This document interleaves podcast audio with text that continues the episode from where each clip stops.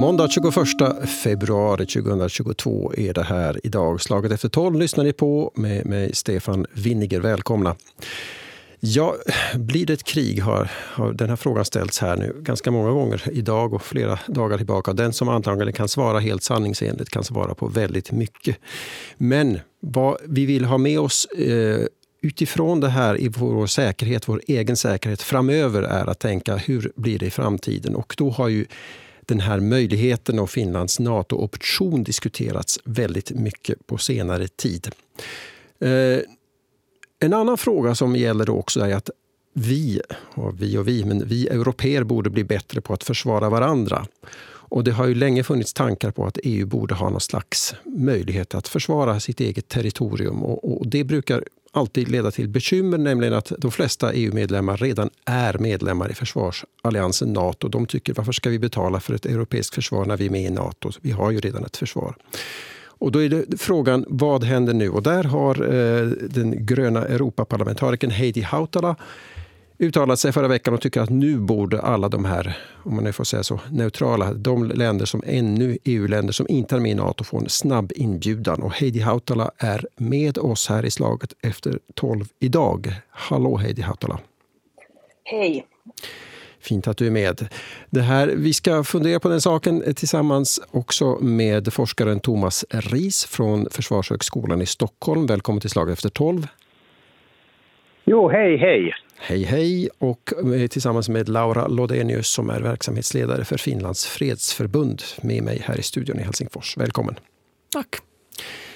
Eh, ja, alltså är, Europas problem just nu att alla ännu inte är med i Nato? Heidi Hautala, du vill att de länder som står utanför ska få gå med snabbt nu. Kan du berätta hur du tänker? Eh, jag vet inte om det skulle gå så snabbt eh, eh, här och nu, men att problemet är det att, att EU har ju vissa behov att stärka sitt gemensamma försvar. Men man kan ju konstatera att för att hela sex e EU-länder är utanför Nato så betyder det här ändå i min mening att, att det allra bästa möjligheten att, att skapa ett gemensamt försvar är att, att alla EU-länderna skulle vara med. Jag vet inte det, om, om det är så enkelt, det kanske inte är det så enkelt, men den här tankegången att, att eh, om man vill ha ett gemensamt EU-försvar eh, istället för eh, många olika nationella försvarssystem och sen NATO, så borde liksom EU och NATO vara, vara liksom ett i ett.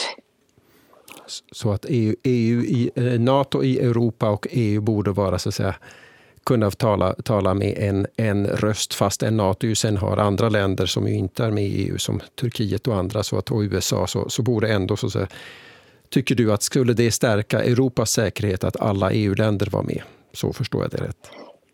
EUs säkerhet och sen EUs gemensamma röst i den här aktuella krisen och kanske i framtidens kriser. Som, som, eh, det hoppas jag faktiskt inte att det blir liksom militärkonflikter, men nu är vi inne i ett, eh, en, en, en potentiell militärkonflikt i Europa. Mm. Thomas Ries, Försvarshögskolan i Stockholm, forskare. Blir Europa säkrare om, all, om de länder som är utanför Nato nu går med här, de EU-länder, går med pronto? Ja, ja, det, eh, det, det, är både ja och nej på den frågan. Men för, först skulle jag bara vilja säga att, att tacka Heidi Hautala för, den, för en frisk fläkt i, i diskussionen och en, en, intressant idé och faktiskt ganska, ganska realistisk om man ska tänka rent att, att få en EU-försvarsförmåga ihop. Men sen när det ökar eller minskar för, för säkerheten i Europa, problemet är det här att om man inte är med i Nato så är man mycket mer sårbar för rysk militär påtryckning. Eh, och då ökar osäkerheten i Europa på det sättet. Om man är med i Nato, eller om, om, om ska vi säga övriga EU-medlemmar som Finland och Sverige skulle gå med i Nato, eh, då blir Putin ännu mer upprörd och nervös och då blir spänningarna mellan då Putin-regimen och väst ännu starkare. Men vi kommer inte undan det här dilemmat, för att Putin har nu visat sig att, att, att han, han respekterar inte den europeiska säkerhetsordningen, han vill ändra på den. Så, och, och han, hans krig har mot väster pågått i minst 20 år nu, åtta år egentligen.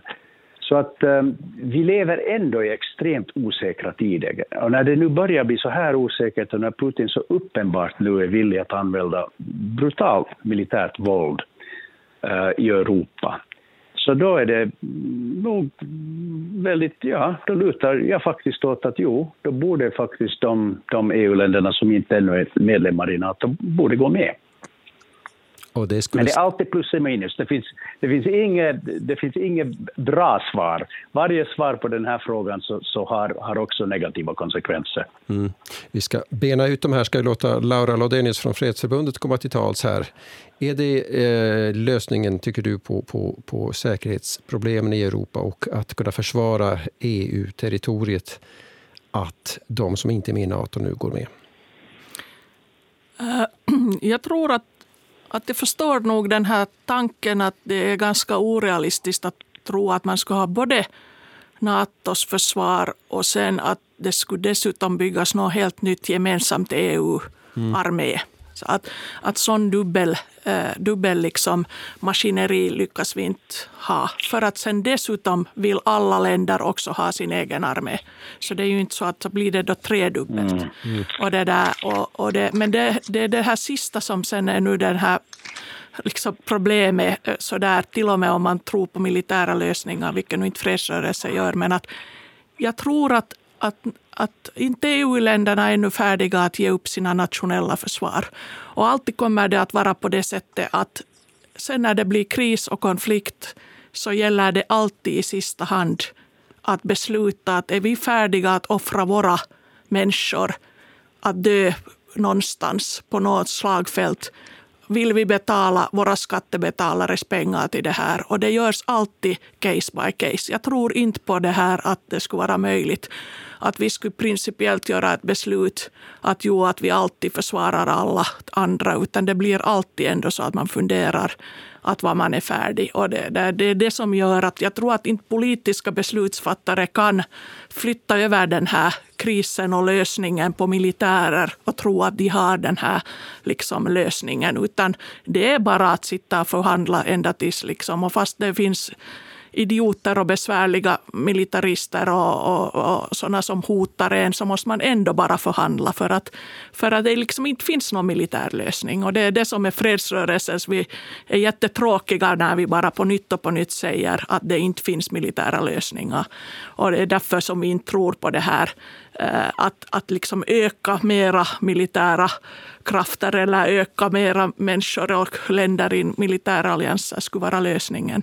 Mm. Att, mhm. att jag tror att man sen får kolla. Och jag menar, eh, det, Men är det, det inte det här, så säga, ide, alltså, om man väl går med i Nato så väljer man väl sen inte om det blir ett riktigt sån här artikel 5, det vill säga den här gemensamma försvarsfrågan, då kan man ju inte sen säga men vet du usch nej det där känns inte jobbigt, nej inte vill vi. Ungefär. Då är man ju bunden av det här fördraget, då är man ju med. Fortfarande kan länderna besluta på vilket sätt de deltar. Så man kan ganska mycket nog påverka det. Inte finns det någon sätt att tvinga liksom, länder till att, att ge upp. Nu är ju ändå försvarspolitiken alltid ändå en nationell fråga. Mm. Heidi Hautala här, eh, vad säger du? Eh, både Thomas Ries och, och Laura Lodenius har vissa invändningar här mot, mot lösningen att alla går med i Nato. Vad, vad, vad svarar du? Nej, jag hade alltså, ingen invändning. Nej, okej. Okay. ja, ja, okej, om, om, det, så, det som jag, jag, jag tackar Thomas Ries för den här kommentaren att, att det var ett, ett fräscht inspel i diskussionen. Och det var faktiskt meningen, för att jag tycker att det vore dags att, eh, att eh, liksom de här mm. Eh, icke-militärt allierade EU-länder skulle liksom på något sätt samlas och diskutera läget just nu i ljuset av det som pågår med Rysslands aggression mot Ukraina. Och jag kan tänka mig att, att eh, det är svårt för att alla av de här sex länderna, Irland, Österrike, Cypern, Malta, Sverige, Finland, alla har sina olika eh, liksom lagstiftningar och grundlagar gällande militärallianser. Men att da, da, tiderna har förändrats ganska mycket och man kan inte utesluta längre den här liksom hotbilden av, av militärt mm. våld mot europeiska länder eller så att säga också alltså Ukraina, äh, Georgien, de är båda liksom länder som är liksom djupt allierade och associerade med EU, liksom med, med EUs äh, mjuka äh, makt. Och så att det betyder att, att vi är ändå i samma, samma liksom, mm. union mm. på något sätt. Och ähm, även om man inte, inte tror på militära lösningar så eh, vi talar ju om, om försvar och inte liksom offensiva eh, krafter, offensiva arméer. Så, så jag förstår inte riktigt eh, din invändning, Laura, för att jag tror att, att du kanske... Eh, din liksom största invändningen är att, eh, att, att Finland ska alltid vara eh, beredd och, eh, och eh, berättigad att, att välja i vilka situationer man ska hjälpa de andra länder som står nära. Men kan man äta kakan och spara kakan är frågan. Alltså om ett läge uppstår att, att man måste försvara mm. eh, sin nationella suveränitet till exempel så, så det är ju en risk att liksom bara liksom eh, titta och se hur det kommer att bli i framtiden. Det är en realistisk hot just nu att diplomatin inte räcker. Där är jag naturligtvis helt ense med dig, Laura, att, man, ska, man ska försöka förhandla, förhandla, förhandla tills, tills ända liksom slutet. Och det är ju därför bra att, att eh, president Macron nu har på något sätt eh, lyckats att, att bjuda både Putin och, och Biden till ett toppmöte på villkor att, att, han inte, att Putin inte liksom börjar sitt, sin offensiv. offensiv. Mm. Vad, vad var det, alltså... Får jag, ja, varsågod. Får jag också hoppa in här kort? Jo, bara en kommentar. Alltså Fredsförbundet har en, har en mycket grundläggande problem och det är att jo, naturligtvis så ska man försöka förhandla. Men vad gör man när den andra parten helt enkelt inte vill förhandla utan vill använda militärt våld? Då, då, då är man utsatt. Och jag menar, Finland har upplevt det här vinterkriget. Hur skulle det ha gått för Finland om man inte hade haft ett försvar 1939? Det var helt uppenbart att Stalin var beredd att invadera. Det finns situationer helt enkelt där det inte går att förhandla sig fram, även med bästa vilja. Och då blir det krig. Och vi kan titta på de, de tre baltiska länderna. De förhandlade med, med Stalin då 1939, gav honom de baserna han önskade och året efteråt så ockuperade han deras länder ändå. Så jag menar, man måste kunna försvara sig militärt. Det, det, naturligtvis blir det ett pris, men priset av att ockuperas kan bli ännu högre. Jag tror att, att det där...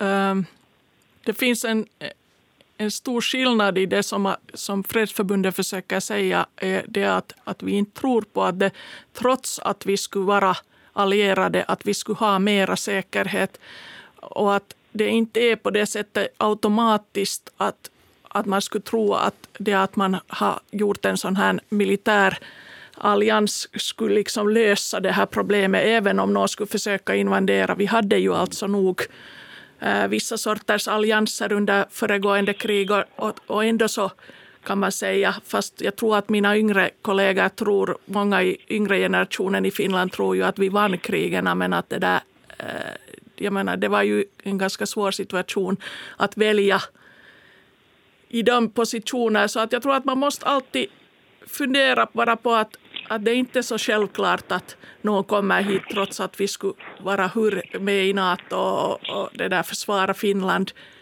Utan att den, det är liksom det, det är att sätta allting på ett kort som är ganska osäkert.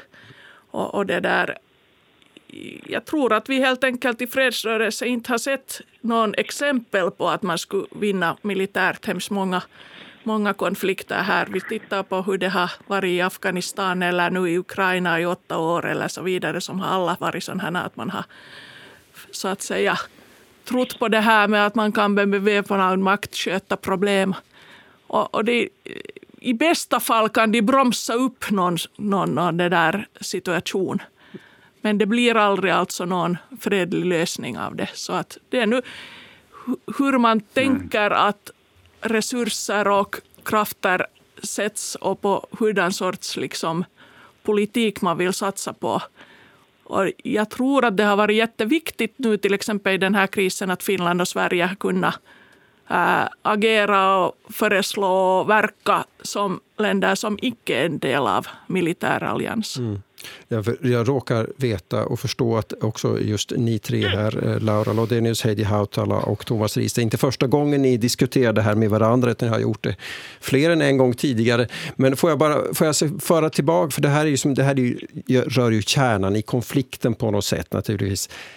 Försvar mot krig, eh, ökar det säkerheten eller har vi ett bättre försvar, ökar då risken att bli indragen i kriget också? Det är liksom någon slags, där den här avvägningen står och där är ju för Finlands del är det ju inte avgjort vad vi tycker egentligen.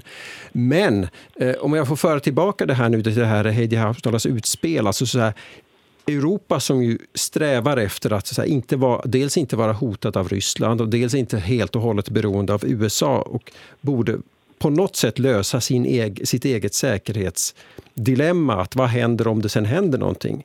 Eh, om vi då tar den här, och där föreslår ju som sagt då Heidi Hautala att nu borde så här, de länder i EU-länder som står utanför också gå med i Nato så att vi åtminstone kan börja samarbeta på lika villkor.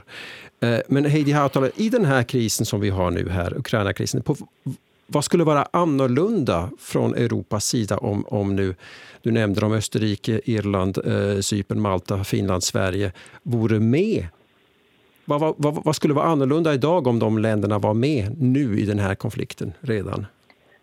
Alltså den, den tanken är ganska uppenbar i min mening, att, eh, att EU skulle vara starkare eh, att, eh, att Putin skulle kanske också inse att EU är också en, en, en stormakt och inte bara USA.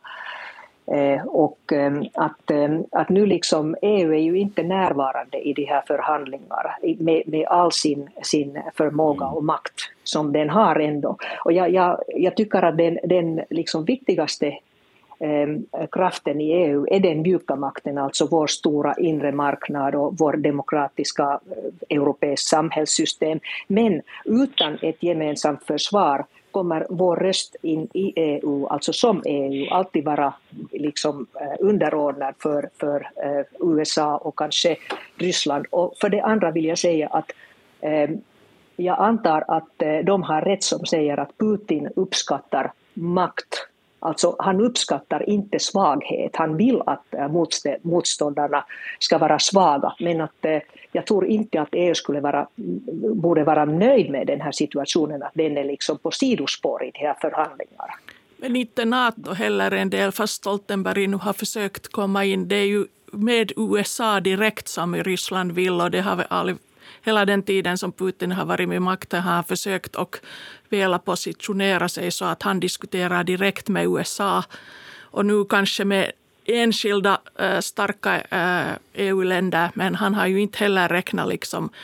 Nu är ju EU, problemet med EUs utrikes och säkerhetspolitik är ju det att att det försvarspolitiken anses höra till nationalstaterna och att man har inte kommit gemensamt överens med liksom om en gemensam stark linje. Och, och, det där, och inte ändras den ju av att det flyttas till ett ännu större bord eller ett annorlunda bord. Natos problem är lite samma varför de är så odynamiska. I, trots att många i fredsrörelsen, mina kollegor, tror att Nato hela tiden håller på på olika ställen massor. Så det gör de ju inte alls för att de sitter där i Capitals och beslutar om, om vart de kan gå och det där. Och mm. oftast kommer det inte till några resultat. Så att jag menar, det är nog mera det här att man inte hittar en gemensamt intresse. Varför har man inte en gemensam handelspolitik? Eller vi får se vad det kommer för sanktioner. Men jag undrar om man, det kommer att vara jättesvårt att komma överens om gemensamma sanktioner och det är ju ett helt politiskt beslut.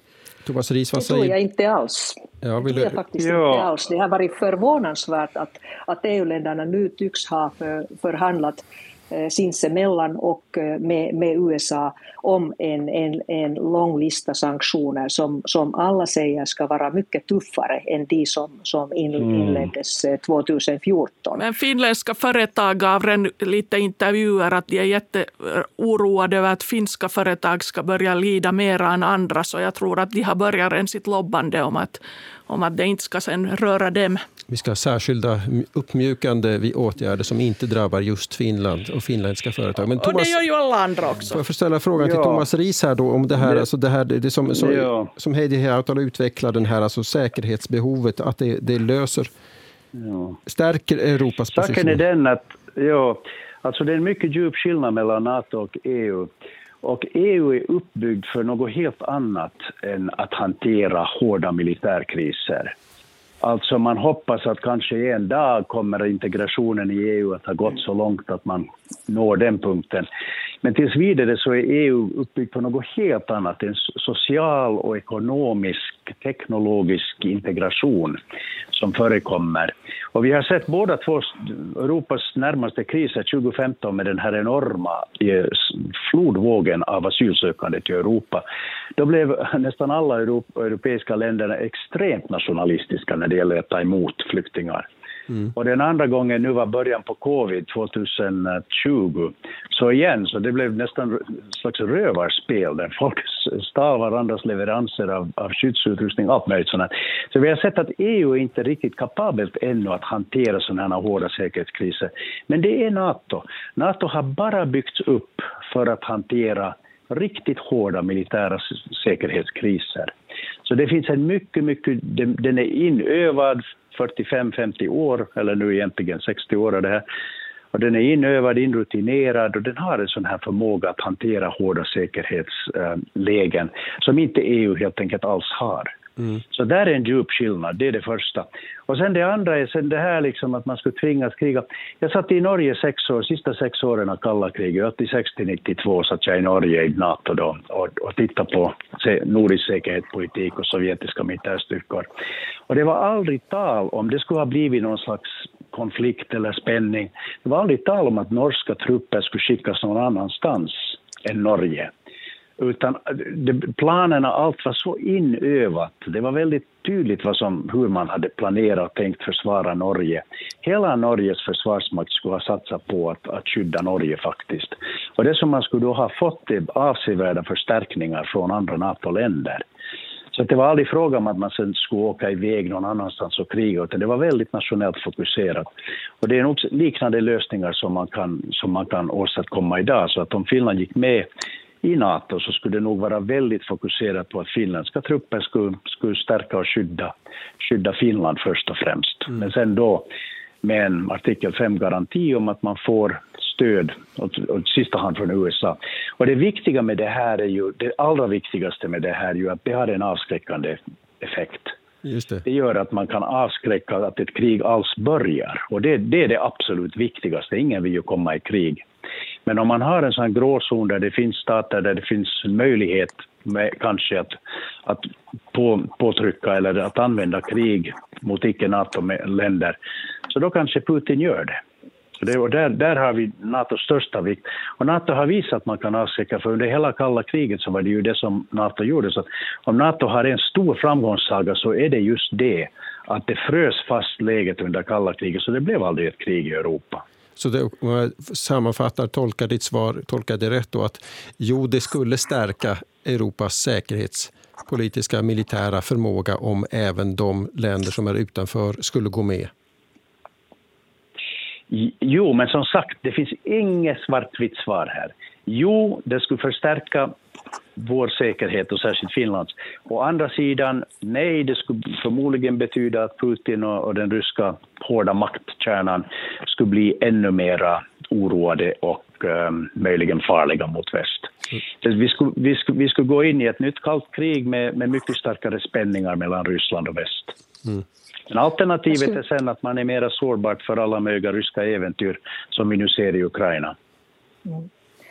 Alltså jag tycker att det är väldigt viktigt det som du säger Thomas, att, att det finns alltid plus och minus i alla, alla, alla mm. eh, olika ja. lösningar för att eh, situationen är väldigt osäker och den är väldigt komplicerad.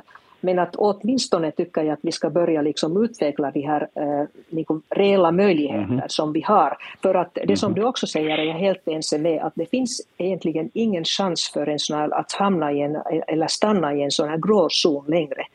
Alltså det här, liksom, det här utspelet um, av Putin med intressesfär som, som kanske jo. även skulle omfatta Finland och Sverige. Just. För att de, de borde inte gå med i NATO. Alltså det, det, det har visat ja. mig åtminstone senast 2014 att, att det här, liksom, det här liksom neutraliteten är, är liksom mm. en tankegång som, som närmast i Europa hör till, till det förflutna. Mm. Ja, precis.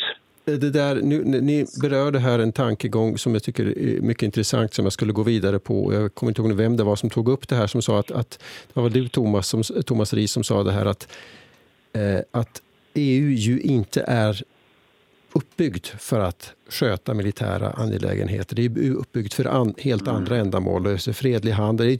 Alltså för att vara, EU har ju fått Nobels fredspris för att vara ett fredsprojekt för att hela ett, ett krigssargat Europa efter andra världskriget. Eh, men när, och sen sa ni att, att eh, och, men, eh, den ryska presidenten vill ha så säga, starka mäktiga motståndare. Vill ha, de ska sen förlora mot Ryssland, men de ska vara liksom så här uppträda aggressivt, kraftfullt. Eh, översatt på EU, det skulle ju behöva, betyda då att e- skulle, EU skulle behöva bli som en annan supermakt helt enkelt. Vilket det skulle då med sin ekonomi och invånarantal i princip kunna bli. Med, med, vi har ekonomin i Europa för att ha ett, ett försvar som är lika stort som Kinas eller USAs, nästan i alla fall. Men, men, eh, men det betyder att vi skulle bli alltså en, en supermakt. Och då är frågan om vill vi det då? Ska vi fråga Heidi Hautala som föreslog det här att alla ska vara med i Nato. Vill vi att, eller vill man att EU ska bli en supermakt? Eller vill man att EU ska försöka fortsätta vara den här just icke-militära makten? Vi är redan en, en ekonomisk eh, stormakt och eh, vi har ju eh, värderingar som representerar liksom demokrati, mänskliga rättigheter, eh, liksom, eh, att eh, kämpa mot eh, miljö, miljöhot, eh, klimatförändringen.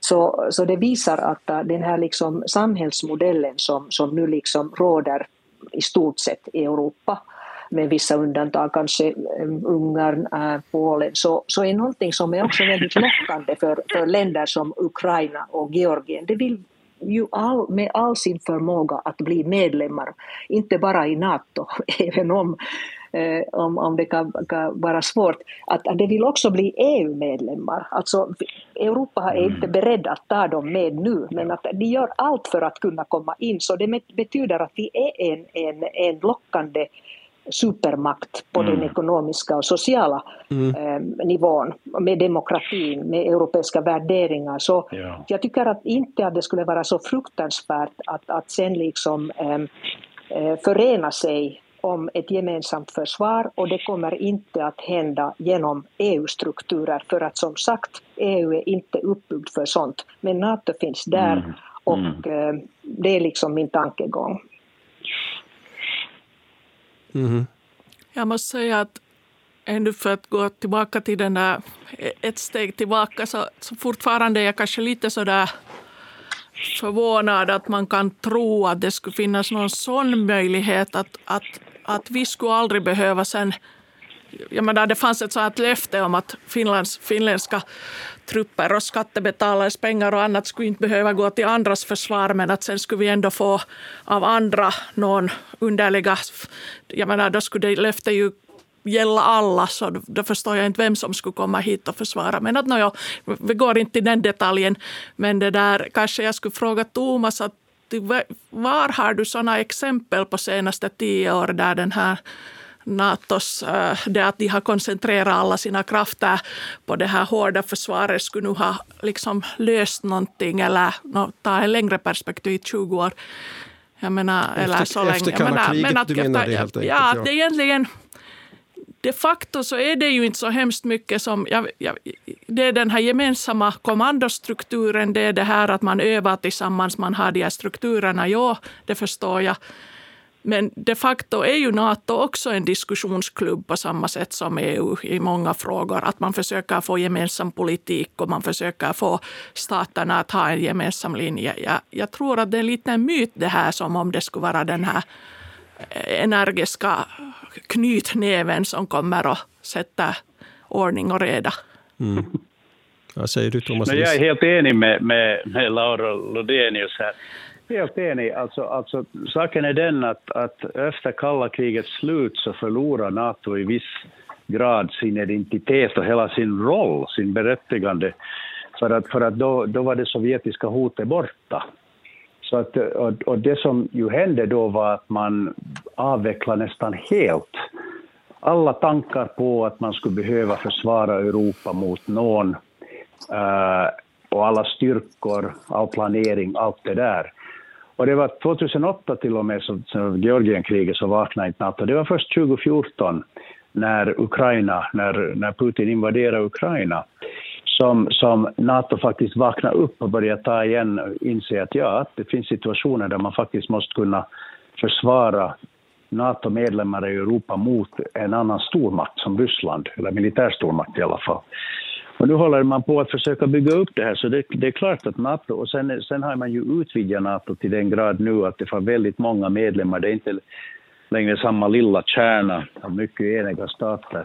Så att NATO håller nu på att, att eh, by, återuppbygga igen en förmåga att skydda sina medlemsländer i Europa. Men det är en, det är en långsam process och det här, helt enig med dig, det här är en svaghet.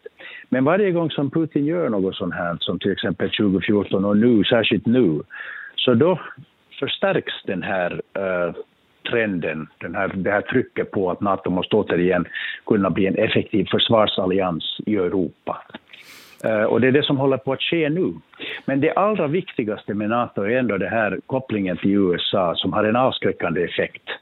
Det innebär då att, att Putin, om Putin skulle ingripa mot en, en NATO-medlem, då skulle han riskera att komma i, i direkt konflikt med USA. Och det, det är någonting som är oerhört avskräckande. Mm. Och är man inte då med i NATO, då, då är inte den där kopplingen där.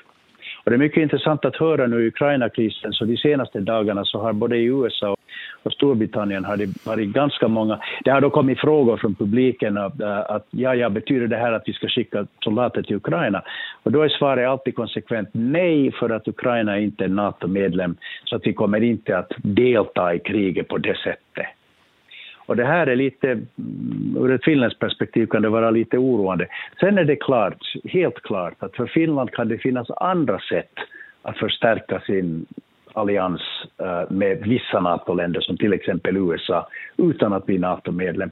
Men frågan är just hur trovärdigt är det? Och det är, ju, det är ju det som både Finland och Sverige har satsat på stenhårt nu i ungefär tio år, att bygga upp eh, de direkta bilaterala försvarsavtalen, eller inte avtal, men samarbete med USA. Mm. Men problemet är att det finns inget avtal där uh, det finns ingen garanti för något.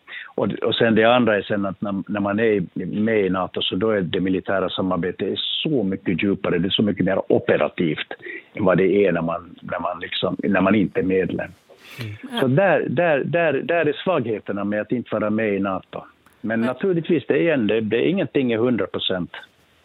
Där håller jag helt med med Thomas igen. Att, att det är sant att varje gång Ryssland eller Putin öppnar uttalar sig i saken så, så det där äh, går siffrorna i Finland och Sverige för ett NATO-medlemskap. Så jag har lite skämtsamt sagt att jag misstänker att, att Putin och kanske jag kan utvidga det till Lukasjenko att de är liksom nog någon sorts äh, företrädare för NATO för att, för att det där så effektivt har deras arbete varit under senare tid att fredsrörelsen står med förvåningens mun öppet hur man kan äh, köra för Natos sak så här klart. Men att det där. Lobba så effektivt så ett finländskt NATO-medlemskap som den ryska presidenten gör. Då.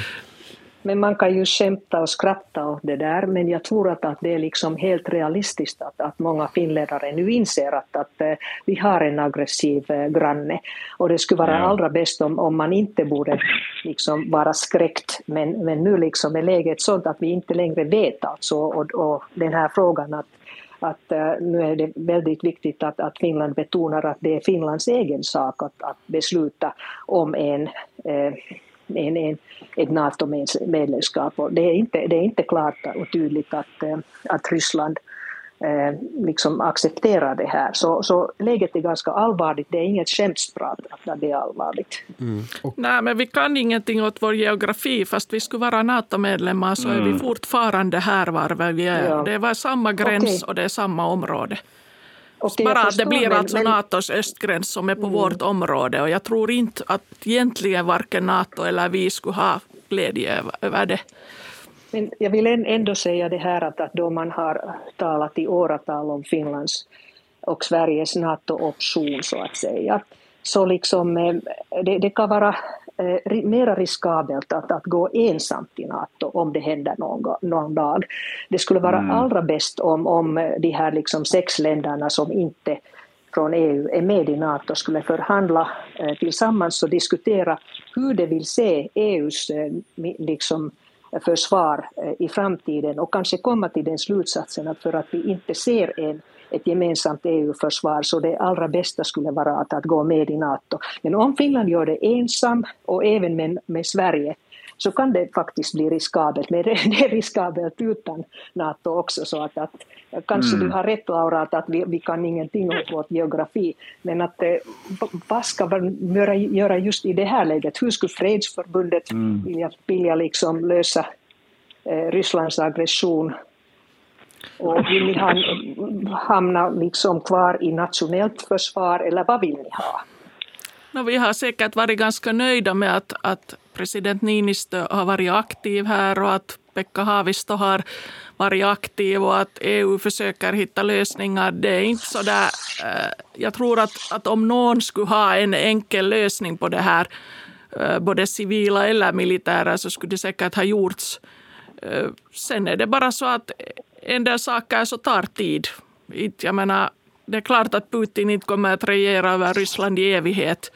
Och, och, det där, och som sagt, han är kanske inte det enda problemet. Där är lite, lite Lukasjenko också och så vidare. Att det där, det blir inte... Dessutom så har vi ju sen, men det är sen en nyslaget efter tolv att de facto så börjar ju säkerhetspolitiska Eh, Eh, fokuset kanske flyttas mot Kina och andra områden än Europa. Att kanske det här är också en sista knyck i den här europeiska spelet och sen börjar egentligen intresset vara någon annanstans i världen. Men att där sa du sanningens ord, Laura Lodenius, att den här sändningen inte rymmer nu ännu en diskussion om vad vi ska göra med Natos förhållande till Kina. För det ska komma en lång väderprognos här om några minuter och den får vi inte alls rubba.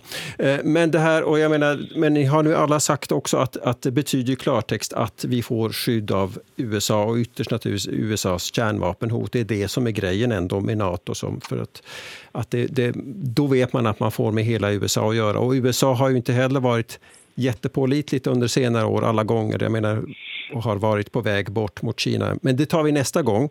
Jag tackar er så mycket för att ni eh, diskuterade med mig här. Stefan Winiger heter jag. Tack Heidi Hautala, Europaparlamentariker för De gröna. Tack också Thomas Ries, eh, forskare vid Försvarshögskolan i Stockholm och Laura Lodenius som är verksamhetsledare vid Finlands fredsförbund. Tack för att ni var med i Slaget efter tolv. Tack för att ni lyssnade där hemma och vi hörs igen. Hej då!